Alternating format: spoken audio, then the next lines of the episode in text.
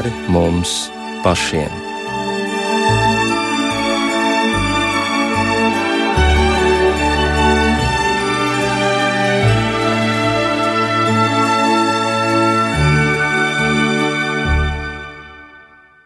Labvakar, raidījumā pāri mums pašiem, lai ir slavēts Jēzus Kristus. Studijā šovakar Inte Zēgnere, par skanējumu rūpējas Katrīna Bramberga, bet mūsu tikšanās attālinātie viesi ir bīskaps Andris Kravalis un mācītājs Ivars Jēkabsons. Labvakar, vai jūs mūs dzirdat?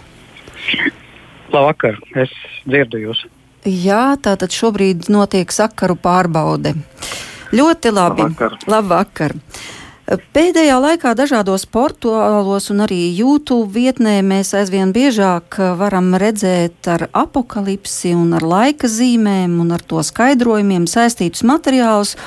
Un tas ir arī saprotams, jo visa pasaule piedzīvo šo pandēmijas krīzi, un, diemžēl, daudzi arī piedzīvo strauju aiziešanu no šīs pasaules. Taču Jāņa atklāsmes grāmata ļauj ielūkoties laikos, kas vēl tikai būs, un ņemot vērā to, cik daudzi pravietojumi jau ir piepildījušies un sakrīt ar svētajos rakstos sacīto, nav jau arī nekāda pamata domāt, ka atklāsmes ar grāmatu būtu savādāk. Un atklāsmi redz, kā zinām, Jēzus māceklis Jānis, kurš vienīgais nenomira mocekļa nāvē, viņš tika izsūtīts uz šo patmas salu, mazu saliņu Egejas jūrā, un šai akmeņainajai saliņai nebija nekādu īpašu privilēģiju, un tā bija tāda soda izciešanas vieta Romas impērijā, kas muģēja no čūskām, ķirzakām, skorpioniem, un tur uz turieni sūtīja cilvēkus, kas nebija varēja labvēlīgi. Protams, tā izskaitā arī kristieti Jāni, jo tas bija vajāšanu laiks. Un tad, esot uz šīs salas, viņš redz dieva troni, viņš redz lielu pulku cilvēku no dažādām tautām, viņš redz, e, ka viņi tērpti baltās drānās, un viņam tiek paskaidrots, ka šie cilvēki nākuši no lielām ciešanām. Un viņš arī redz to, kas notiek dieva goda krēsla priekšā, un viņš redz to skatu, kad tiek atvērtas grāmatas, un kā mēs lasām, uh, atklāsmes grāmatā es redzēju mirušos, lielus un mazus, stāvam goda krēsla priekšā, un grāmatas tika atvērtas. Tika atvērta vēl cita grāmata, tā ir dzīvības grāmata, un mirušie tika tiesāti pēc tā, kas ir rakstīts grāmatās, pēc viņu darbiem. Un tas, kas nebija rakstīts dzīvības grāmatā, to iemeta uguns jūrā. Nu, lūk, tā tad Jānim tika dots redzēt vispār kaut ko neaptveramu. Savukārt mums ir iespēja izvērtēt sevi un droši vien arī vaicāt, nezinu, vai es esmu ierakstīts dzīvības grāmatā. Un vispār kā es to varu zināt, vai man tas būtu jānojauš. Un es gribētu, lai šis arī būtu mūsu vakara pirmais jautājums. Kā es varu zināt? Nu, ziniet, tā aina patiesībā ir diezgan baisa, ja tā padomā. Kurš pirmais? Lūdzu, sāciet kāds. nu, jā. Ivari. Mhm. Klausoties par to, vai mana, uh, mans vārds ir ierakstīts dzīvības grāmatā, uh, es vienmēr atceros šo, tad, kad sūtu sveicienus saviem ticības draugiem, kad viņiem ir vārda diena. Piemēram, nesen svinējām dātas, dātas un, un, un citas. Uh, tad es mēdz pielikt klāt izziņā, klāt, ka priecājieties, ka jūsu vārdi ir ierakstīti debesīs. Nu, tas ir tas Jēzus izteikums, ko viņš teica no Lūkas evaņģēlījā. Mm -hmm. Jā, to viņš saka. Uz kādu pamatu mēs varam būt droši? Uz savu attiecību pamatu, bet ne tikai tādu subjektīvu izjūtu, ka es izjūtu vienu, bet arī uz, kaut, uz kādu apstiprinājumu, kurā mēs kļūstam par uh, Dieva bērniem.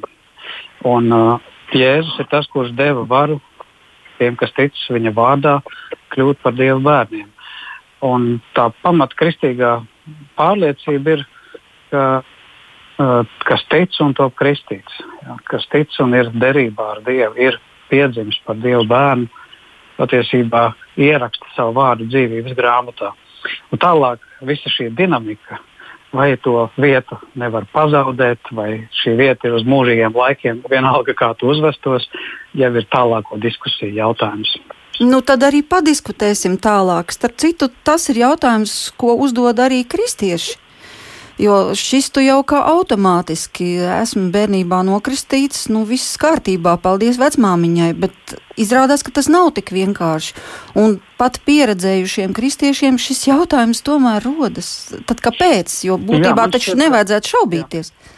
Man šķiet, ka uh, nu, tās viena no spilgtākām rakstu vietām, kur Bībelē saka, uh, Dievs tik ļoti pasauli mīlējis, lai neviens, kas tic, uh, Jēzum, ja, ja viņam uh, iemantot mūžīgo, ik viens, kas tic iemantot mūžīgo dzīvību, tad uh, tas jautājums uh, ir uh, par, par to, ka mēs iemantojam uz tādu Kristus dotā derības un mantojuma pamata. Uh, bet tad varbūt tas būtu līdzīgi kā laicīgā dzīvē. Ir kaut kādi apstākļi, kaut kādi dramatiski apstākļi, kad tevi var no mantinieku saraksta uh, vai no pilsonības izslēgt par īpaši sliktu uzvedību. Tad ir kaut kādi rādītāji droši vien. Jā, varbūt Andris Kravals var man papildināt. Jā, mēs klausāmies. Bīskapa Andri, mēs jūs dzirdam šobrīd. Jā, es domāju, piekrīt Ivaram, ka nu, pestīšanas jautājums nav tā kā nu, Krieva rulete būs, nebūs. Jo Svēto rakstu sirds ir evaņģēlīja. Protams, atklāsmes grāmata noslēdz mm, pestīšanas vēsturi, bet tāpat laikā mēs labi zinām, ka Jānis, kas, kā jūs sacījāt, ir Jēzus mīļotais māceklis, viņš ir raksta vēstulis un raksta ar evaņģēliju. Un tiešām evaņģēlīja tad ir svēto rakstu sirds, un mums ļoti svarīgi ir saprast, ko Kristus uh, saka par pestīšanu. Pestīšanas jautājumu, protams, arī skaidro apustulis Pāvils. Viņš daudz uh, risina šo jautājumu. Šī paša uzsver cerības uh, tikuma nepieciešamību.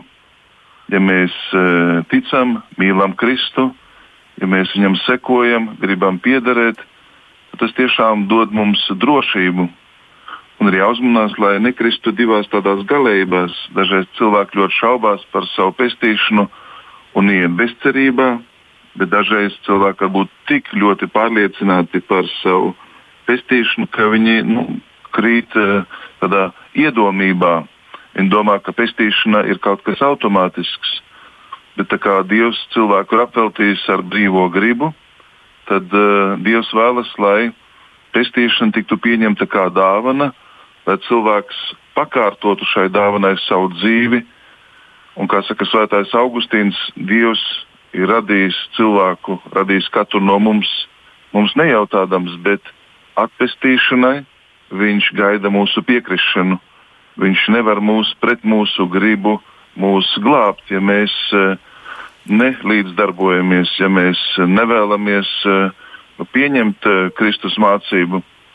Un tāpēc, eh, protams, atklāsmes grāmata ļoti eh, skaidri tādā atklāsmes žanrā to pasaka, bet eh, tas ir viens tāds žanrs, kas jau ir vecajā derībā. Ir atsevišķas grāmatas, kā mm, Daniela Kezihela grāmatas, kur ir šādi nu, atklāsmes žanri, kur uh, dievvvārds uh, izsakās tādā formā.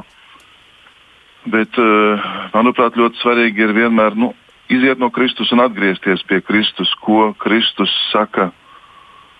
Un uh, apustulis Pāvils, kas mēģina tad, tad, uh, skaidrot dieva gribu vēstulē, Timotejam saka, ka Dievs vēlas, lai visi cilvēki tiktu pestīti. Tāda ir dieva griba. Bet uh, cilvēks tā tad uh, var to pieņemt, var nepieņemt, var arī pretoties. Un tad, tad tas ir cilvēka brīvības jautājums, tas ir, ko viņš nolem savā sirdsapziņā, ko viņš e, saprot un uz kādiem pamatiem viņš tad veido savu dzīvi.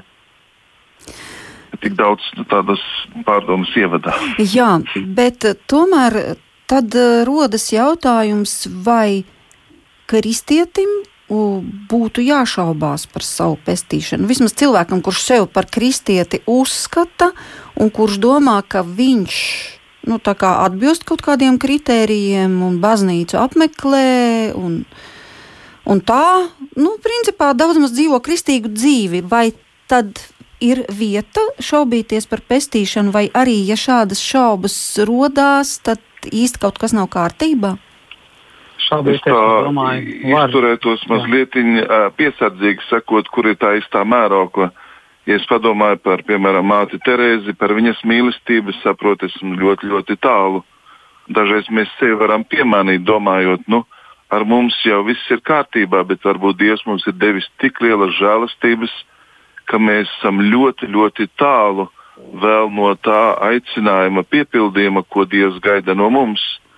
Tāpēc eh, pestīšana, mm, pestīšanas vieta ir baznīca, un tieši tāpēc Kristus iedibina baznīcu.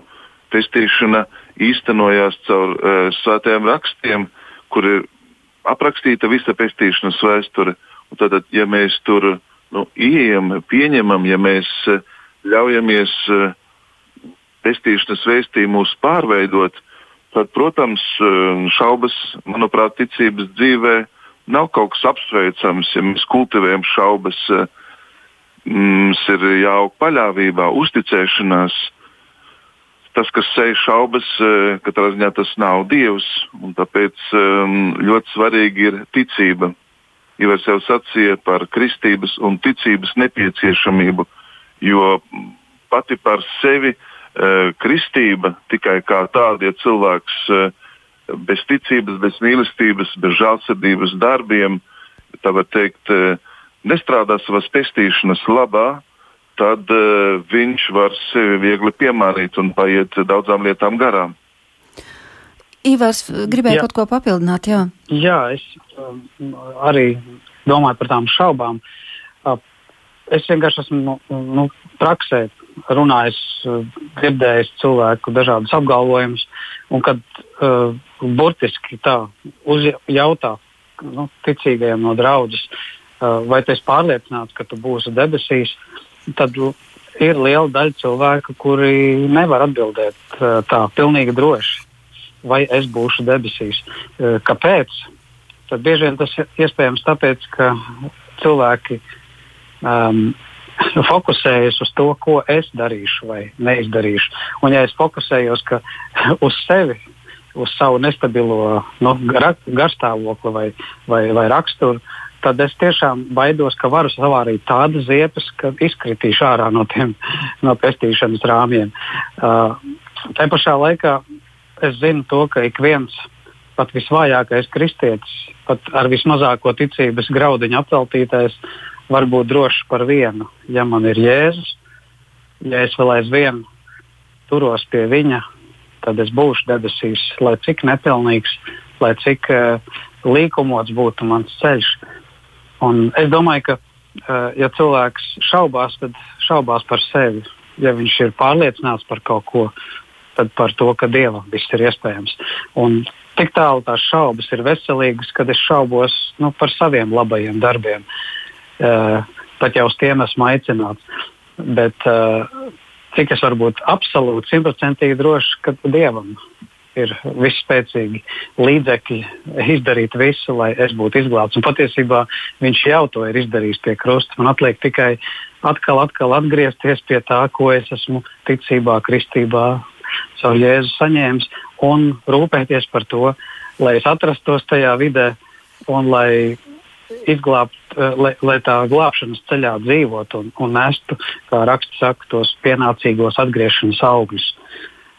Ja augļu lielums vairs nav nosacījums, bet uh, svarīgi ir, lai es būtu dzīves uh, ticībā, un lai tas tīrums, ja, par kuru Jēzus runā, kurā dievvvārds ir iesēts, lai tā dievvvārda sēkla ne, nenonīktu ērkšķos, seklumā un tur tajā akmenājā un uz tā ceļa, lai, lai tā sēkla uzdīgtu un dzīvotu un nestu augļus. Jā, te uzreiz tādi divi jautājumi, pat nezinu, ar kuru sākt. Nu, varbūt nelielu precizējumu šiem vārdiem, ja man ir Jēzus un ja es turos pie viņa. Mm -hmm. Ja man ir Jēzus.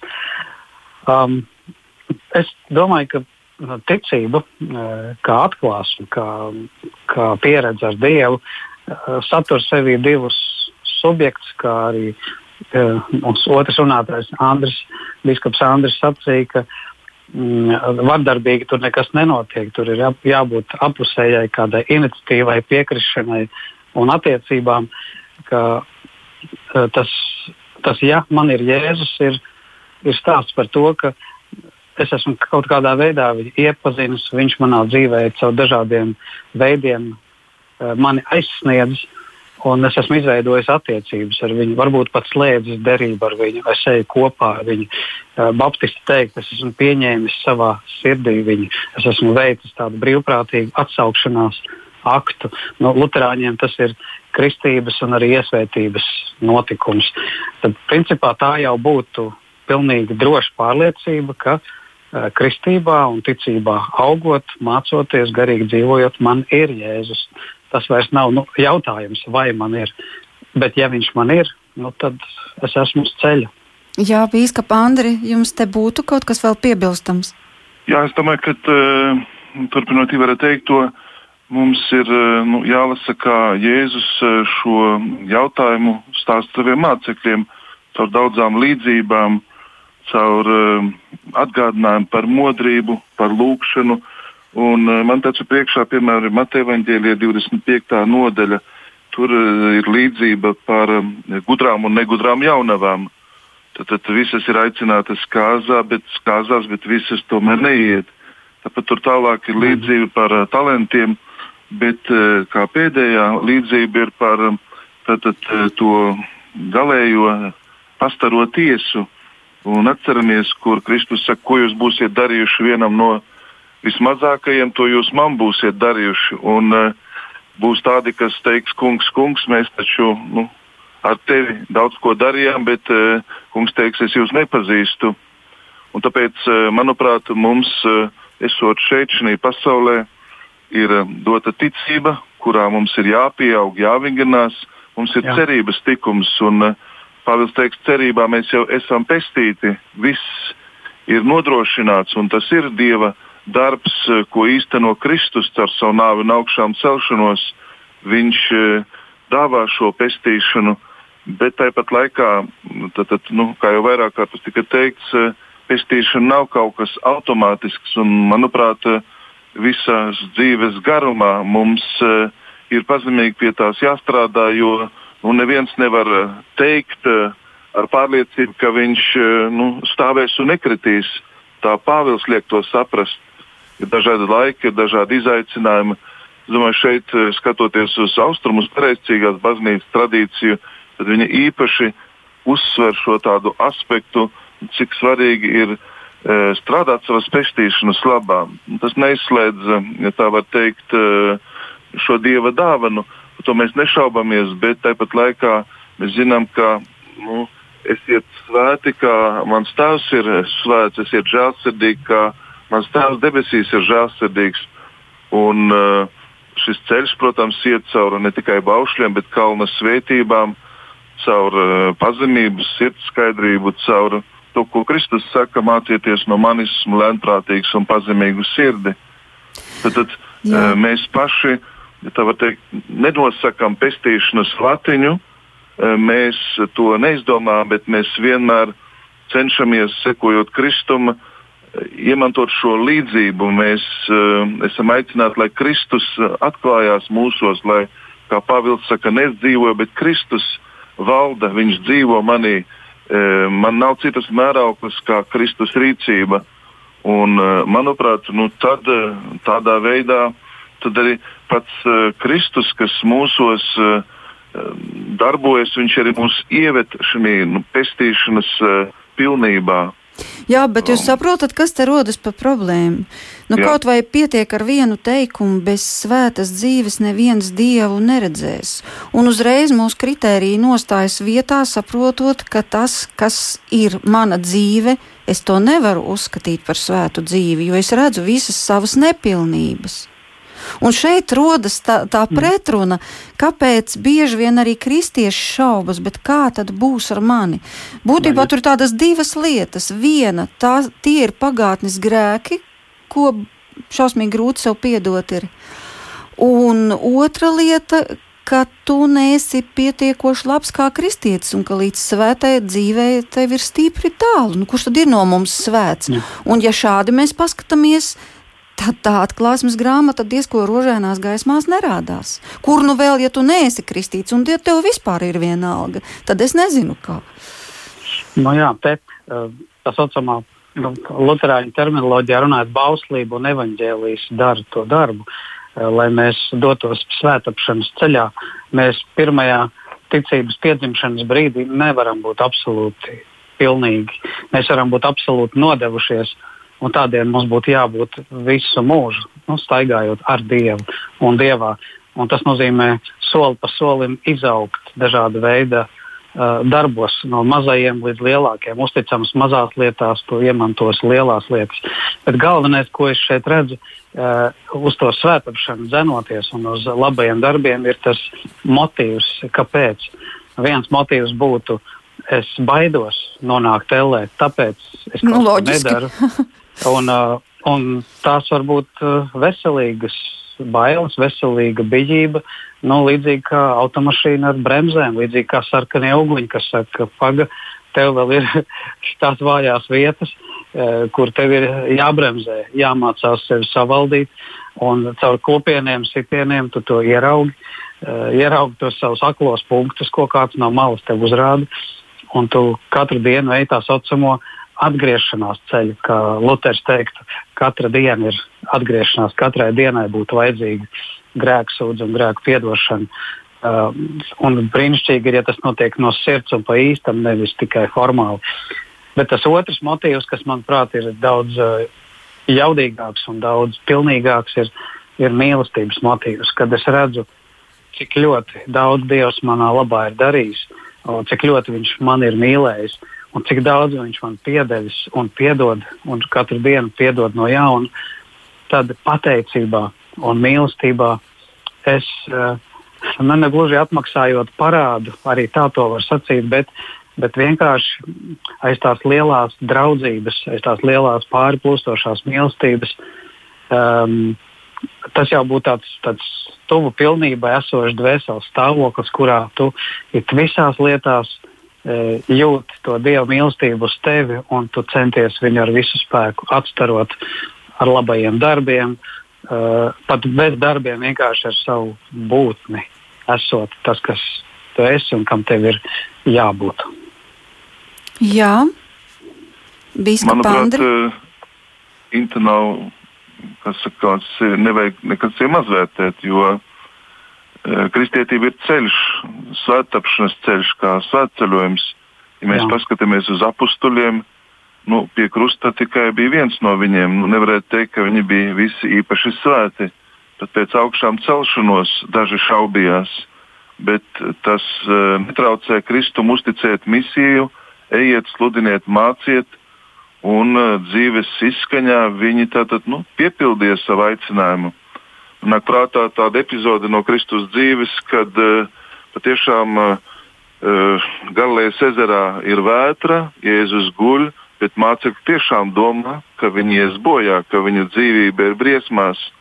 Bieži vien mēs arī tieši tāpat rīkojamies, kad paļaujamies tikai uz saviem spēkiem, kad domājam, ka nu, Jēzus jau nav mūsu dzīves laivā.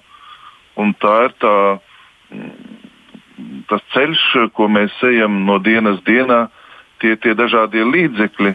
Bet eh, arvien vairāk eh, lūdzoties, lasot Dieva vārdu, ņemot arī dalību liturģijā, eh, kalpojot, mēs iepazīstam mīlošu Dievu, kurš nevēlas, lai mēs dzīvotu bailēs, jo viņš saka, jūs vairs nesiet ne vergi, ne kalpi, bet mani draugi.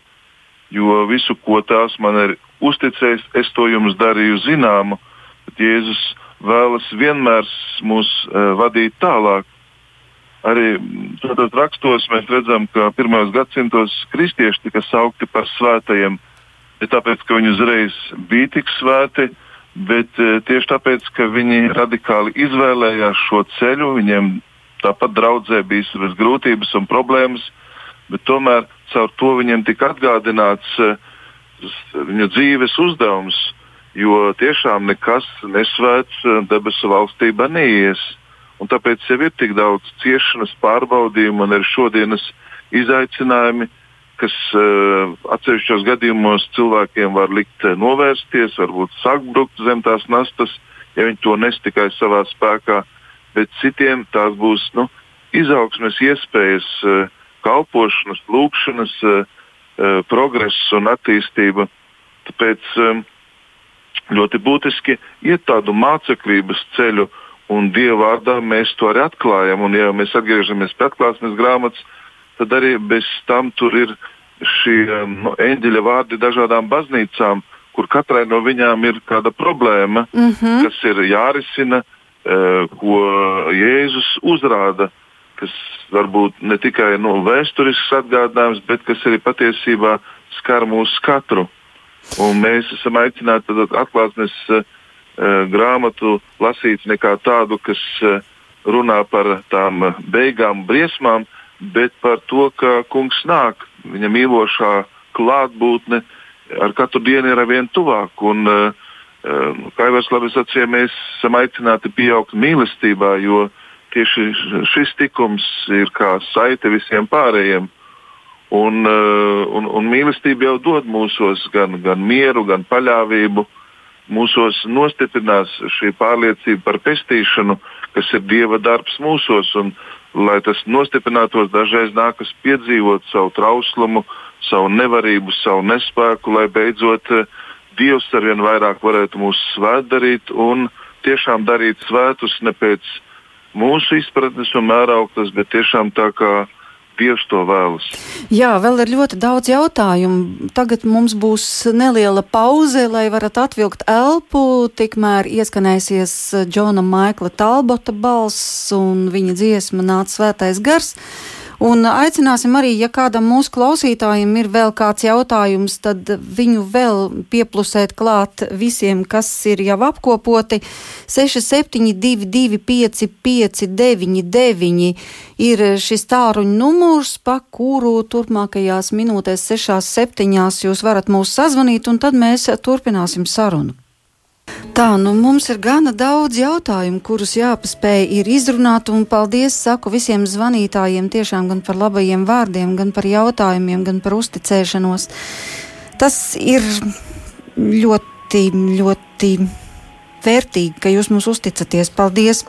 Viens no jautājumiem ir, uh, kur tas ir. Uh, sacīts, vai klausītājs vaicāja, vai tad luterāņiem ir jāiet pie grēku sūdzes? Mācītājs tā esot izteicies. Lūdzu, Ivar.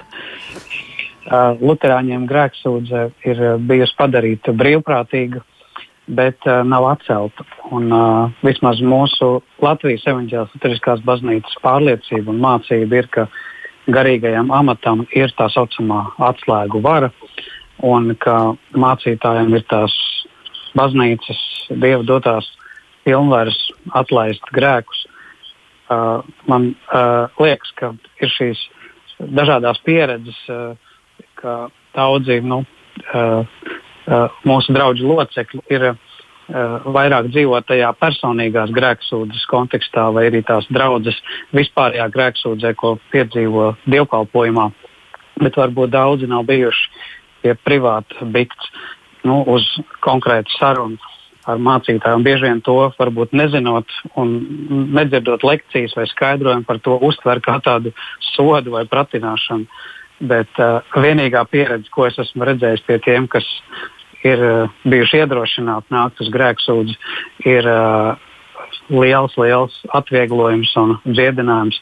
Bet nu, uh, grēksūdzi kā sakraments, kā svēta darbība. Ja? Mēs pat varētu teikt, Lutāņiem pēc definīcijas tā tāda pussakraments, jo, jo nu, Lutāņu definē, definējums sakramentam ir, ka jābūt ir, ir uh, zīmei un Kristus pavēlei. Uh, bet Kristus pavēle ir uh, atgriezties no grēkiem. Bet nu, pietrūkst tādas zīmes kā ūdens, un, uh, svētā vakarēdiena, maize un vīns. Un tāpēc tā definīcija ir tāda uh, interesanta, kur neļauj Eh, varbūt eh, nosaukt Lutāņiem to par tādu pilnu sakramentu, bet pēc būtības tas ir tas pats, kas visām citām baznīcām, kurām ir tie visi saucamie septiņi, tā skaitā grēksūdzi. Un, eh, tā pieredze, tā prakse, tas atraisīšanas, jeb salīdzināšanas uh, kalpošana un amats, ko pildām, ir ārkārtīgi dziedināšana. Gan manā dzīvē tā ir bijusi. No šādām grēksūdzēm es esmu nācis mājās, atvieglots un dziedināts. Tāpat arī ikvienam citam to nosaku, un es esmu to redzējis uh, draudzes ikdienā. Bīskaps Andris kaut ko piebildīs? Jā, manuprāt, nu, nav iespējams būt par kristieti, ja mēs neejam atgriešanās grēku nožēlas ceļu, ja Jā. mēs nemainām savu dzīvi. Un, protams, ir ļoti daudz dažādas uh, prakses, gan sakramentālas. Pavisam drīz būs uh, gaveņa laiks, kas mūs sagatavos lieldienām. Jā. Arī tas ir veids, kā mēs gan gandaram, gan sevi svētdaram, gan vēlamies, lai mūsu gars valdītu par mūsu miesu.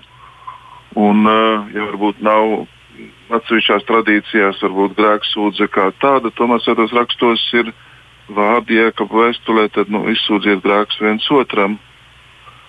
Arī tādā Jā. veidā mēs augam pazemībā, kad uh, ļaujam nu, patiesības gaismai ienākt mūsu dzīvē, kad kļūstam pazemīgi un godīgi atzīstamies savās nepilnībās. Tad tas Jā, viena lieta ir kad uh, piedod vispār, ka tu zini, ka nu, uh, Dievs tev principā visu var piedot, bet pavisam cits ir, ka tu konkrēti atnāc, noliec, izstāsti un, un pilnīgi pārliecināts kļūst, ka tagad, kad es to atdevu, izsūdzēju, man tas pavisam konkrēti arī tika atlaists. Un tieši šis miers, šī pārliecība ir ārkārtīgi vērtīga dāvana katrai privāti grēksūdzēji. Jā, interesanti, ka, jā, interesanti, ka jūs tikpat kā uzminējāt mūsu nākošā klausītāja jautājumu, kurš eh, vaicāja, ka būtu labi pastāstīt par pelnu dienu, jo ar nākošo nedēļu sākas gavēnis paga, bet kurš tad ir gavēņa datums? Precizējiet, lai man tagad nesajūg pelnu trešdiena, datums. Manuprāt, 17. 17. Lūk, tā tad nav vēl, nav vēl tik traki, tā nebūs Jā, nākošā, 17. bet tā būs aiznākošā nedēļa, kad sāksies, kad sāksies gavēnis, un, un jā, un ka par to arī vajadzētu runāt, ko tad īsti nozīmē tā pelnu diena. Kāpēc nē, noteikti padalīšos arī ar savu kolēģi Rintu, kura arī kā zinu, gatavos vienu raidījumu par grēku sūdzi. Tā mēs ar viņu runājām. Viņai ir tāda vēlme par šo tematu runāt. Bet tas arī vēl nav viss. Ir vēl kāds arī ļoti skaudrs jautājums par to, kāpēc Dievs nepalīdz. Zvanīja kāda klausītāja un teica, ka tagad sakarā ar koronavīrusu viņa ir pazaudējusi tuvus cilvēkus un tik daudzi cilvēki aiziet mūžībā un viņa tiešām lūdz un lūdz un lūdz, bet cik tad ilgi gaidīt? Kāpēc netiek saņemta šī palīdzība? Nu, smags jautājums. Nu, Katrs ka... gadījums noteikti ir individuāls, un jebkāda runāšana nu, nezinot situāciju, var būt uh, uh, sekla, nepilnīga. Bet ir dievam šīs vismaz trīs atbildes uz lietām - jā, vai nē, vai gaidi. Un ir kaut kādi brīži, kad Dievs pārdabiskā veidā viņam zinām iemeslu dēļ neiejaucas šajās situācijās, ļaujot iet tām dabisko, tā saucamo slimības progresējošo gaitu. Vai Dievs tur nepalīdzēja, vai Dievs nebija klāt šiem cietējiem un nu, zaudējumu pārdzīvojušiem, un vai Dievs neparūpējās par šīm dvēselēm, kas aiziet. Es domāju, ka Dievs darīja maksimāli labāko, ko viņš uzskatīja par pareizu. Tā pašā laikā man pašam personīgi paliek ārkārtīgi sāpīgs noslēpums, kāpēc kaut kādā brīdī Dievs neiejaucas. Un tie ir tādi ticības pārbaudījumi un noslēpumi. Jā, Bīska Pandri, mēs jūs arī gribam dzirdēt. Mēs dažreiz ikdienā sakām, nu, nāve paņēma. Bet, nu, kā ticīgiem cilvēkiem mums ir jāsaka, ka nu, Kristus uh, godība atklājās augšām celēs Kristus jā. ieveda savā valstībā. Un tāpēc nu, ne jau nāve ir pēdējais vārds. Un šī pārēja stāv katram mums priekšā.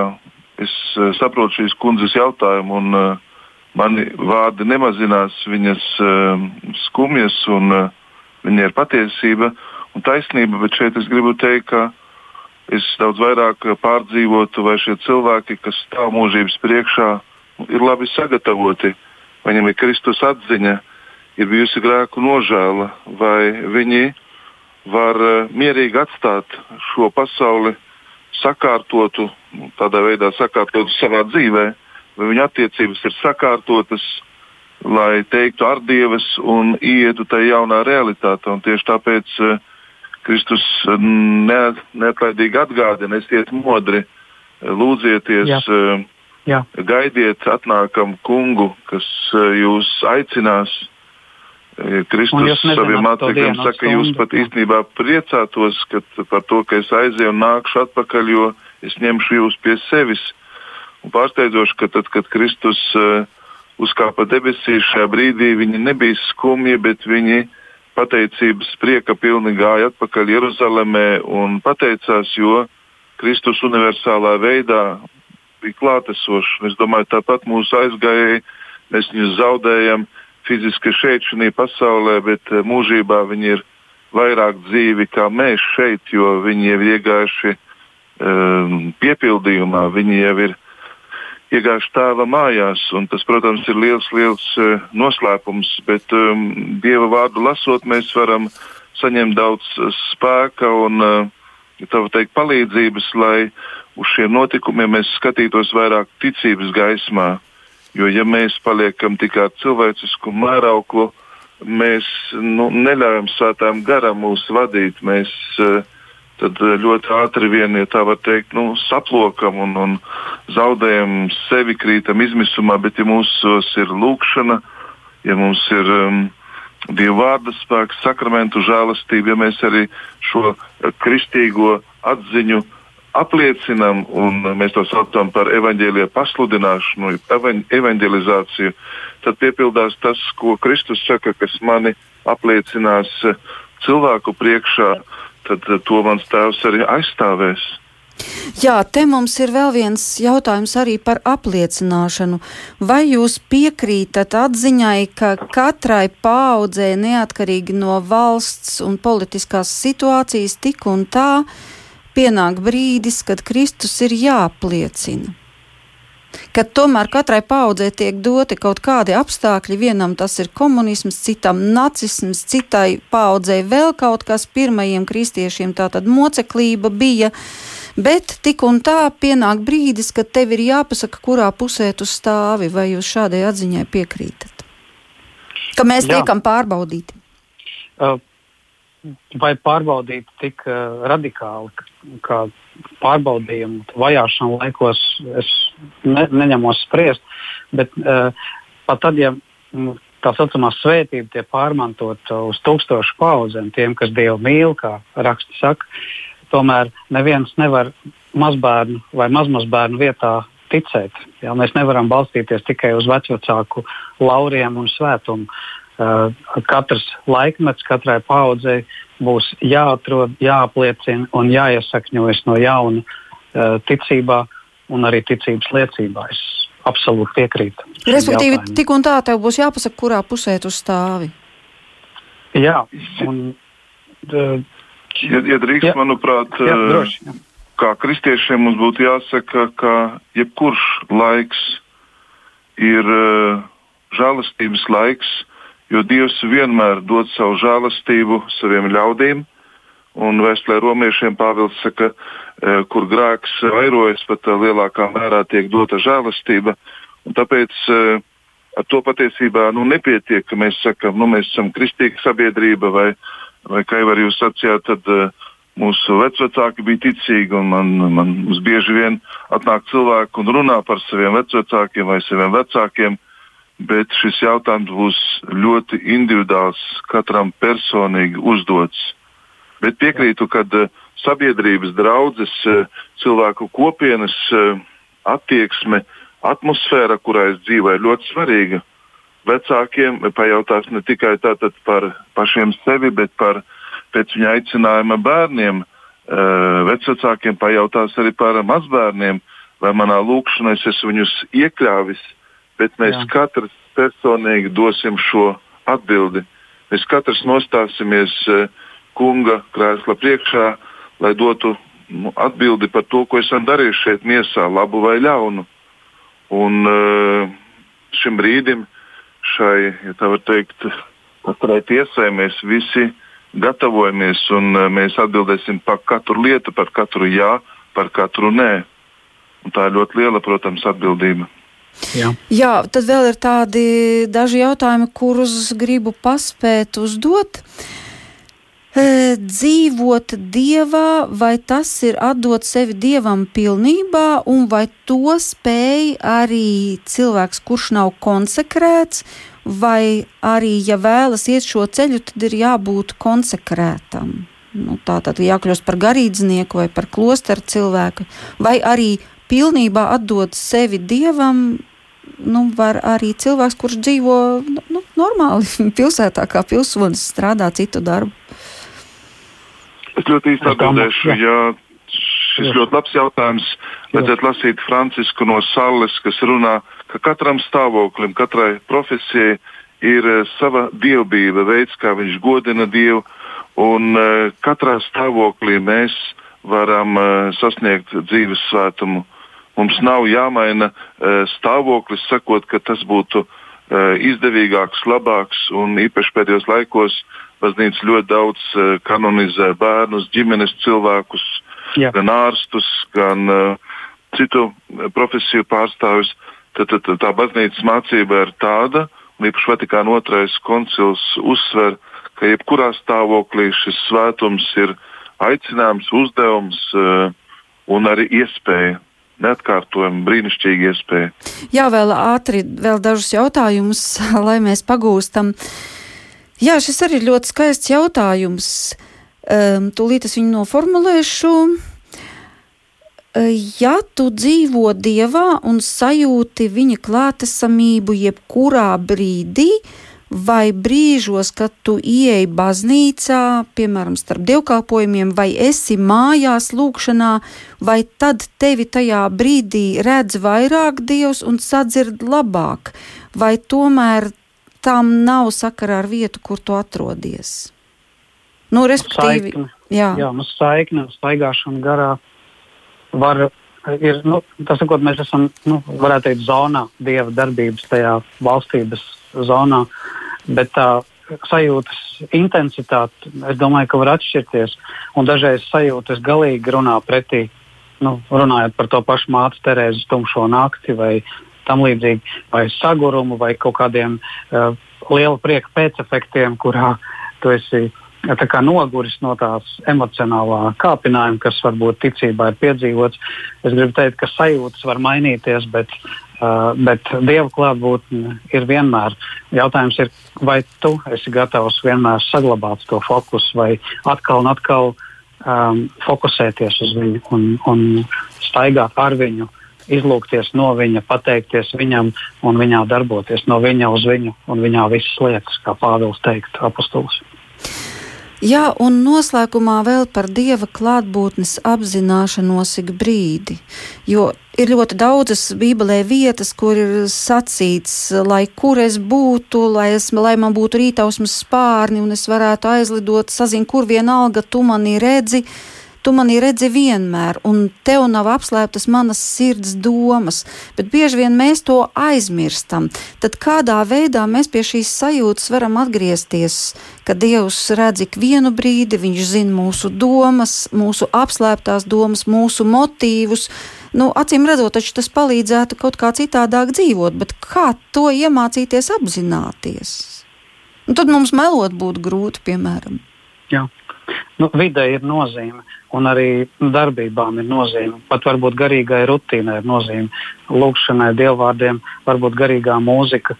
Un arī kāda skaidra sevis tāda nu, lietu atgādināšana. Es tagad apzinos, ka Dievs uz mani skatās, un tas var palīdzēt.